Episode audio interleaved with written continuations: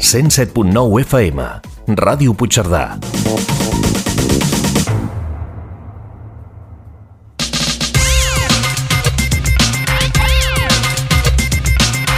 A la sintonia de Ràdio Puigcerdà, els dimarts a les 12 del migdia, Ciència en Colors, presentat per l'Enric Quílez, un programa de divulgació científica i tecnològica.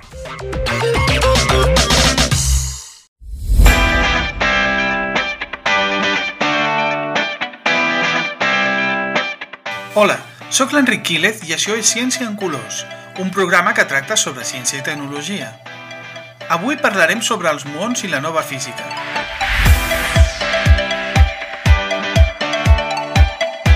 És possible que darrerament hàgiu sentit als mitjans de comunicació quelcom relacionat amb els muons i sobre el fet que una sèrie d'experiments relacionats amb aquestes partícules elementals podrien comportar l'aparició de nova física. Què vol dir tot això? Sempre, comencem pel començament. Què és un muó? Doncs un muó és una partícula elemental bessona dels electrons que ja coneixem que formen els àtoms. Té gairebé les mateixes propietats que els electrons, però és un 200 vegades més pesada. Els muons van ser descoberts als rajos còsmics l'any 1936, quan de fet es buscava una altra partícula anomenada pió. El cert és que ningú s'esperava l'existència d'aquesta partícula i un famós físic de l'època va exclamar «Qui ha demanat això?». Els muons són inestables. En qüestió de fraccions de segon es desintegren en altres partícules, concretament en un electró, un neutrí i un antinautrí. Però viuen prou temps com per ser detectats amb una certa facilitat.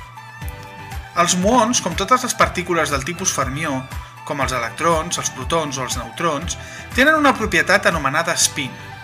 L'spin és difícil d'explicar en conceptes de física clàssica.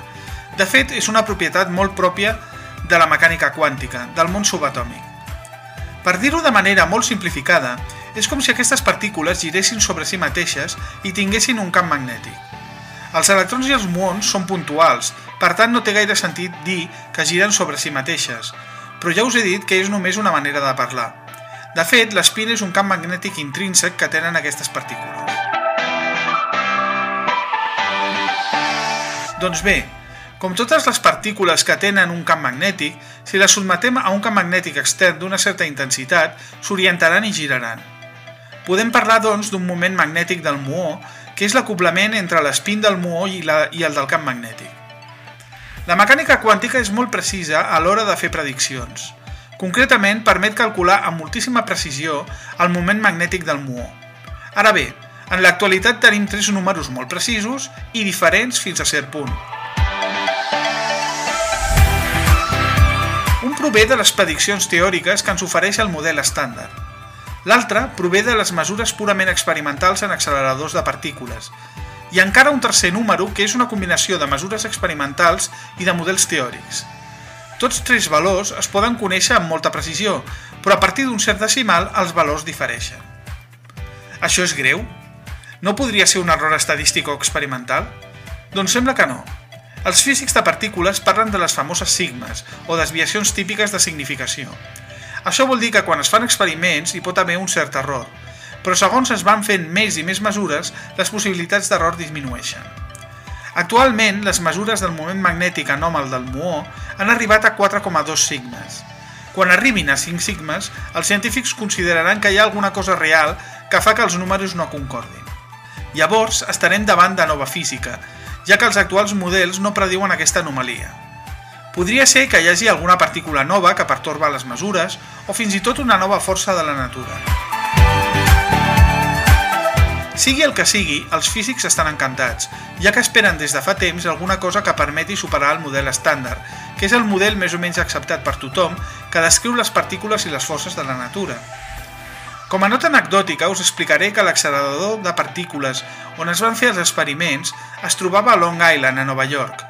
Com que el raig de muons que es feia servir no era prou precís, es va decidir desmuntar tota l'estructura i enviar-la per parts en un altre laboratori, concretament a Brookhaven, a prop de Chicago.